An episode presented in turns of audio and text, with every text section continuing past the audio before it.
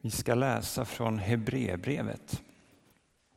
Och vi ska läsa den bokens fyra första verser tillsammans. Och vid en första anblick så kan man ju undra vad det här har med långfredagen att göra. Men jag lovar dig, vi, vi kommer till det. När vi läser Hebreerbrevet kapitel 1, vers 1 till och med 4. Många gånger och på många sätt talade Gud i forna tider till våra fäder genom profeterna. Men nu, vid denna tidens slut, har han talat till oss genom sin son, som han har insatt till att ärva allting, liksom han också har skapat världen genom honom. Och han som är utstrålningen av Guds härlighet och en avbild av hans väsen och som bär upp allt med kraften i sitt ord, har renat oss från synden och sitter på majestätets högra sida i höjden. Han har blivit lika mycket mäktigare än änglarna som det namn han har fått i arv är för mer än deras. Okej, ur den här kanske något svåråtkomliga texten så vill jag lyfta fram tre ord. Tre ord som författaren använder och som vi ska haka tag i den här långfredagen. De tre orden är arv, härlighet och synd. Och vi börjar med arvet då. Och förresten att jag säger författaren, det beror ju på att man inte vet vem som har skrivit Hebreerbrevet. Det finns liksom ingen tung tradition att, att föra tillbaka på här. Så vi börjar med arvet. Alltså vår bibel innehåller ju 66 böcker. Ja, själva ordet bibel förresten, för dig som inte är så van kanske, så betyder själva ordet bibel, eller kommer då ur, ur det grekiska ordet biblia, som betyder böcker i pluralis. 66 böcker i en bok. Och 39 av de här böckerna bildar Gamla testamentet och 27 stycken då bildar Nya testamentet, det gamla och det nya. Och övergången då mellan det gamla och det nya, det är just Jesus. Och det är ju passande då att Nya testamentet inleds med fyra evangelier och vi hade ju en hel radda med texter som vi läste tillsammans från just evangelierna. Så Jesus är liksom medelpunkten i Bibeln. Han är han är centrum, han är det som Gamla testamentet pekar på och han är den som Nya testamentet liksom flödar ut ifrån. Och vi har alltså läst nu precis nyss fyra verser från Hebreerbrevet som då tillhör Nya testamentet. Men, men författaren då blickar hela, tillba, hela tiden tillbaka till Gamla testamentet. Det är som att han försöker relatera det, det, liksom, det som har hänt till, till det gamla. Och det märker vi då direkt i bokens första verser. Vi läste många gånger och på många sätt talade Gud i forna tider, men nu. Okej, okay, så han inleder med att blicka tillbaka. Och han utgår från att Gud har talat i det som vi kallar för Gamla testamentet. Men nu har något nytt inträffat. Gud har talat på ett nytt sätt genom Jesus. Alltså man, skulle, man kan ju säga att Jesus i sin egen person på sätt och vis liksom sammanfattar och summerar hela Gamla testamentets historia. Alltså han är dess arvtagare. Här har du ordet arv. Det är liksom som att han, han samlar ihop trådarna från Gamla testamentet och så knyter han ihop dem till en, en liksom fast knut. Och i den knuten så hänger liksom hela universum i den. Liksom. Han knyter ihop det. Vi tror att allt hålls samman av Jesus. Så det som Gud har gjort genom sitt folk genom århundradena, alla löften han har gett i Gamla testamentet, all, allt hopp och all längtan som finns i de här gamla skrifterna. Allt det koncentreras nu i en enda individ. Jesus är den andlige arvtagaren till allt det som Gud har gjort tidigare. Han är fullbordan av Guds löften. Så Gud har talat, det är vår djupaste tro, Gud har talat genom att själv bli människa. Det är som det står i Johannes 1 och 18. Va? Ingen har någonsin sett Gud. Nej, så är det ju. Ingen har någonsin sett Gud. Den enda sonen, själv Gud och alltid nära Fadern, han har förklarat honom för oss. Och då har vi kommit till det andra ordet, härligheten. Jesus här står det utstrålningen av Guds härlighet och en avbild av hans väsen. Gud är som solen, det strålar om honom. Och Jesus är som de värmande och livgivande strålarna som träffar jordens yta. Alltså det är en dålig liknelse på sätt och vis, för Gud är inte avlägsen på det sätt som solen är. Gud är nära. Men poängen här är att förstå något om vad det betyder att Jesus är utstrålningen av Guds härlighet. Och då tycker jag den här liknelsen om solen funkar ganska bra. Alltså Gud är fantastisk, Gud är överväldigande, Gud är stor, Gud är oändlig i makt och prakt. Gud är skönheten själv. Gud är himlaljusens fader, som det står i en annan text. Alltså Gud skiner som solen och Jesus är liksom som strålarna som träffar jordens yta. Han är utstrålningen av Guds härlighet, Guds sändebud, den som kommer från Gud. Och han är också, säger författaren, en avbild av Guds väsen. Alltså vad betyder det? En avbild av Guds väsen. Så här krångliga uttryck. Ibland kan det hjälpa att läsa andra översättningar för att få liksom en lite fylligare bild av vad en text betyder. Eh, man kan läsa på ett annat språk till exempel. Och I den engelska översättningen NIV så står det här att Jesus är the exact representation of his being. Alltså Jesus representerar exakt det Gud är. The exact representation of his being. I den franska översättningen Bible second 21 kan man läsa att Jesus är l'expression de sa personne. Det vill säga Jesus uttrycker vem Gud är i sin person. L'expression de sa personne. Och går man till grundtexten då så används ordet karaktär. Det har gett oss ordet karaktär. Alltså, Wikipedia definierar karaktär som det som betecknar en persons egenskaper eller läggning, det som karaktäriserar personen. Det författaren vill säga här är alltså att om du är osäker på hurdan Gud är så ska du se på Jesus. Det finns ingen bättre definition på Gud. Det finns ingen bättre definition på Gud än Jesus. Han är utstrålningen av Guds härlighet, en avbild av hans väsen. Men vänta lite nu då. Hur går det här ihop? Hur går det här med liksom Guds skönhet och härlighet? Hur går det ihop med det faktum att det är långfredag? Jag menar, se på Jesus när han hänger på korset. Det är blodigt, det är tragiskt, det är groteskt. Där finns väl ingen härlighet i det? Hur kan han vara utstrålningen av Guds härlighet? Jag menar, om det är någonstans Guds härlighet inte finns så är det väl där? Eller?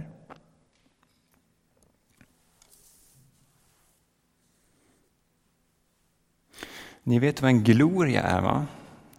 Ehm, det kan man ibland se på gamla målningar till exempel. Ni ska få en gloria på bild nu. Ehm, och det här är en mosaik från antiken. Och just den här mosaiken den representerar den romerske havsguden Neptunus, eller Poseidon som han heter i den grekiska mytologin. Och han har en gloria runt huvudet. Ser ni den?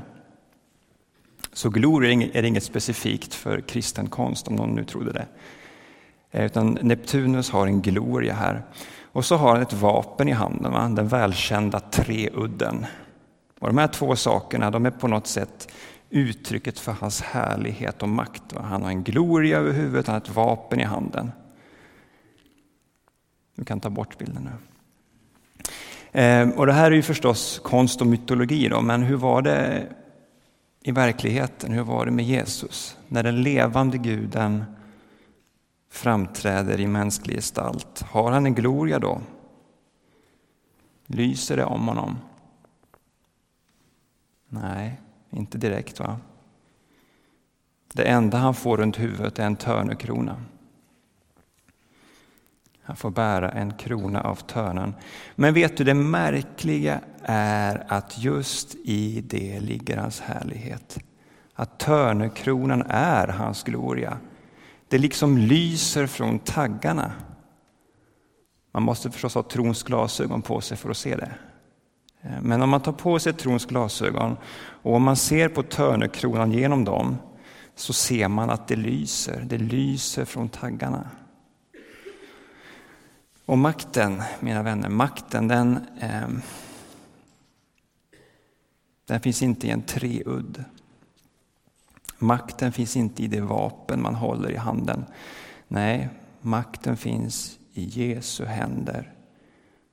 Det är som den gamla sången säger, va? makten är i Jesu händer. Allt är honom underlagt.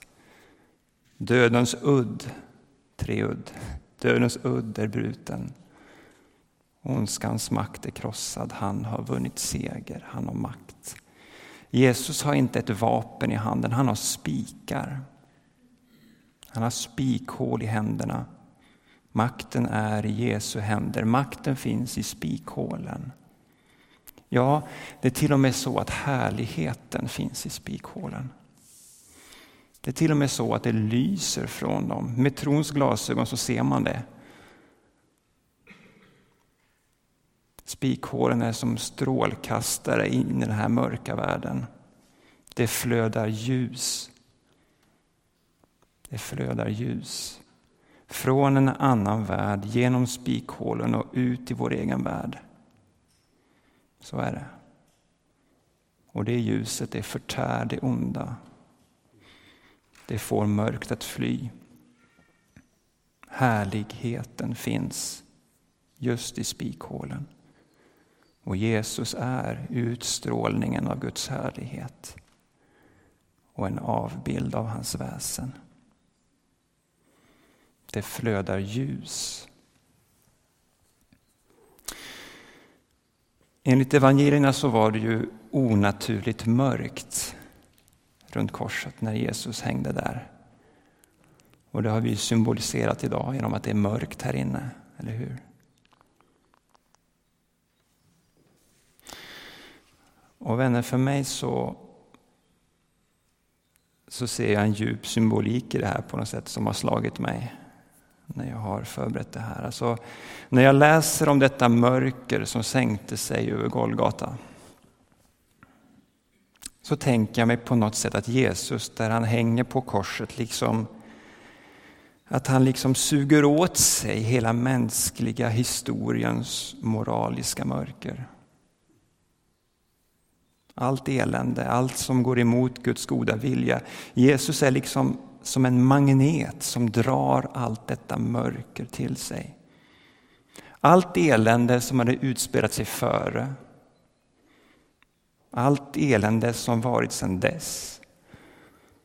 Allt elände som kommer att vara. Allt suger Jesus åt sig när han hänger på korset. Det blir mörkt runt omkring honom. För han suger åt sig allt. Och vet du, han suger åt sig ditt mörker också. Ditt eget personliga mörker, vilket det än är. Kan du se det för din inre blick? Eh, ser du symboliken i det? Jesus suger åt sig ditt mörker. Och det färdas 2000 år tillbaka i tiden, ända till Jerusalem. Och så parkerade sig där runt korset. Där är det mörkt. Ditt mörker finns där, där finns det.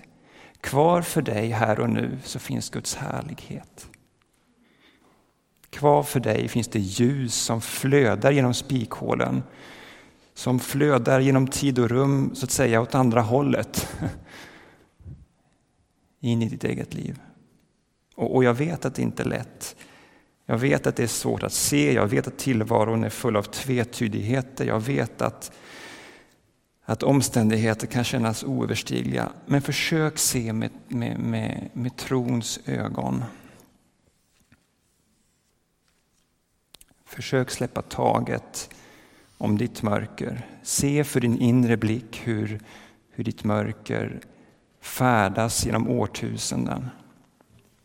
Tillbaka till korset. Det är där ditt mörker är.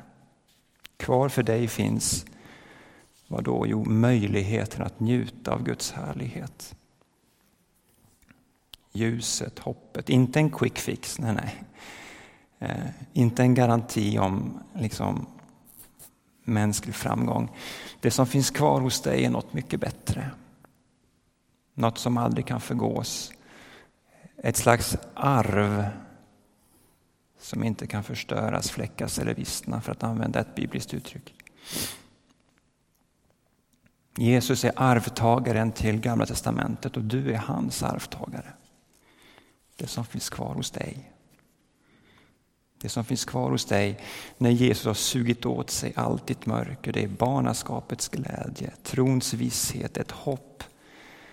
Ett hopp som förankrar ditt liv i honom som är liksom tillvarons grund. Det är ditt andliga arv. Det är det du får ta emot av honom. Och det här arvet, den här härligheten som flödar till dig genom spikhålen, det vill jag påminna dig om idag. Det är som psalmisten säger, Herren är ditt ljus och din räddning. För vem skulle du frukta? Herren är ditt livs värn. Vem eller vad skulle du bäva för?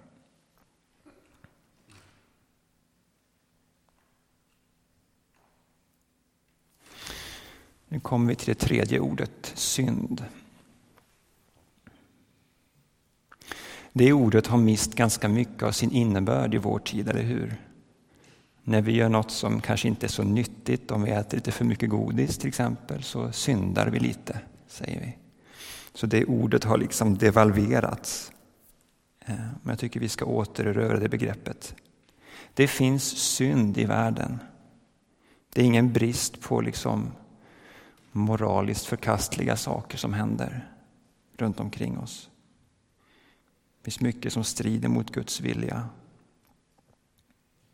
Vi tror att det finns synd i världen. Och vi syndar alla mer eller mindre, men vi misslyckas alla. Vi missar alla målet på ett eller annat sätt. Alla har syndat och gått miste om härligheten från Gud. Härligheten. Där har vi det igen. Man kan säga att synden är som en kraft som försöker snärja oss. Att vi har ansvar för våra handlingar, det är ju självklart, men vi är också i viss mån syndens offer. På ett annat ställe i Hebreerbrevet kan man läsa att synden kan snärja oss. Alltså vi kan liksom inte bli kvitt den. Vi är intrasslade i den. Liksom. Och vi kanske till och med inte ens ser vår synd. Då kan det vara. Vi kan ha de bästa intentionerna, vilja väl, göra så gott vi kan och ändå så kanske vi misslyckas. Ändå sårar vi vår medmänniska, ändå gör vi varandra illa. Är det verkligen synd? Ja, det kan man säga. Det är såklart inte samma sak som att medvetet göra någon illa. Ehm. Men Hebreerbrevets författare talar faktiskt om att synd också kan vara omedvetna felsteg. Det står lite senare här i boken i kapitel 9, vers 7, så talar han om ouppsåtliga synder. Ouppsåtliga synder. Det händer att vi gör fel fastän vi menar väl. Och när det liksom kommer ikapp oss så kan det skapa mycket skam och sorgsenhet. Hur kunde det bli så fel när jag menade så väl? Och det jag vill säga till dig som känner att du är i den situationen, till dig som sörjer över det som inte har blivit som du ville. Till dig som känner att du har misslyckats kapitalt, vilket område det nu än är på. Då ska jag säga så här att även detta sög Jesus åt sig. Även det, även detta mörker har farit genom årtusendena tillbaka till korset. Även det här mörkret som du tänker på just nu, även det har parkerat sig vid korset. Ta på dig trons glasögon nu och, och, och låt mörkret fara från ditt sinne. Det som är gjort är gjort, va? men det finns ett hopp. Det finns en framtid, det finns en morgondag, det finns försoning.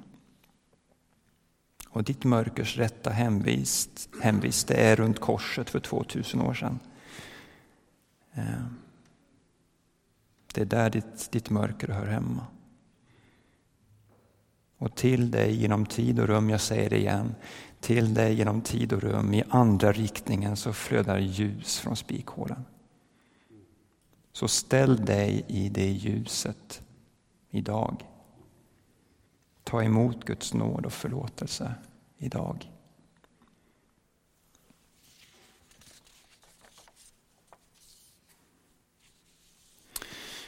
För att sammanfatta, jag har tagit upp tre ord från dagens text. Det var arv, härlighet och synd. Jesus han är Gamla testamentets andliga arvtagare. Han är utstrålningen av Guds härlighet och en avbild av hans väsen.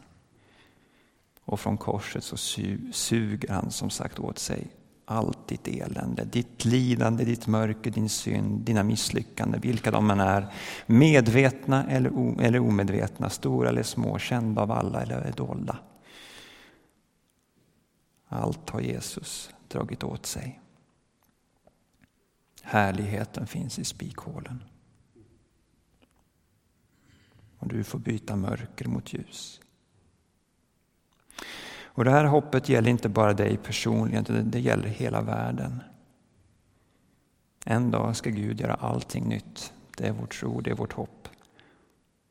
Och författaren säger att Jesus nu sitter på majestätets högra sida. Och Det sägs att han har mer makt än änglar. Det där med änglar det verkar vara viktigt i sammanhanget. Och Man kan ju fundera på varför, men det gör vi inte nu. Det skulle vara en helt annan predikan. Men det jag vill säga bara kort om det, det är följande. Försök spika fast en ängel om du kan. Det går ju inte, eller hur? Andevarelser är ju inte spikbara.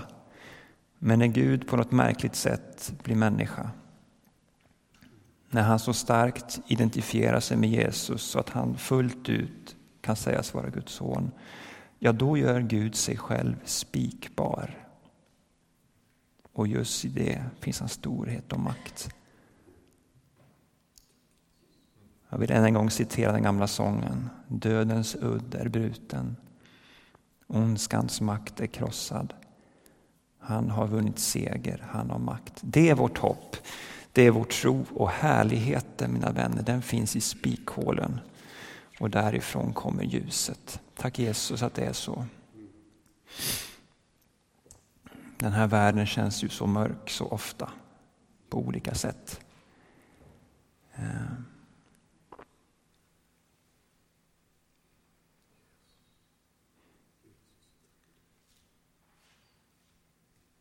Du ser, Herre, det mörker som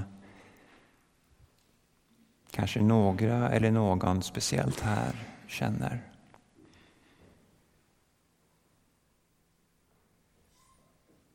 Tack att jag nu får be om ditt ljus. Tack för att eh, vi får ställa oss i det ljuset. Tack att vi var och en av oss kan släppa taget om vårt mörker och låta det fara tillbaka till korset. Och vi kan se att det parkerar där.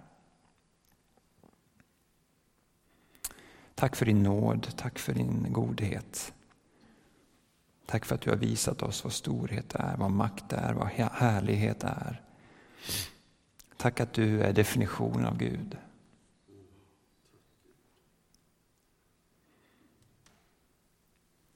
Och därför kan vi gladeligen säga, sådan är vår Gud. Inget mörker finns i honom. Han är himlaljusens fader och han vill oss väl.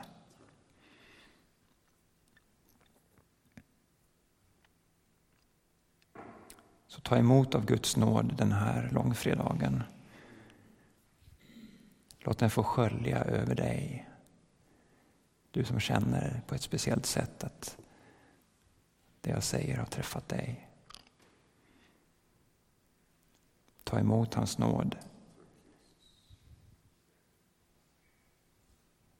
Låt den skölja över dig.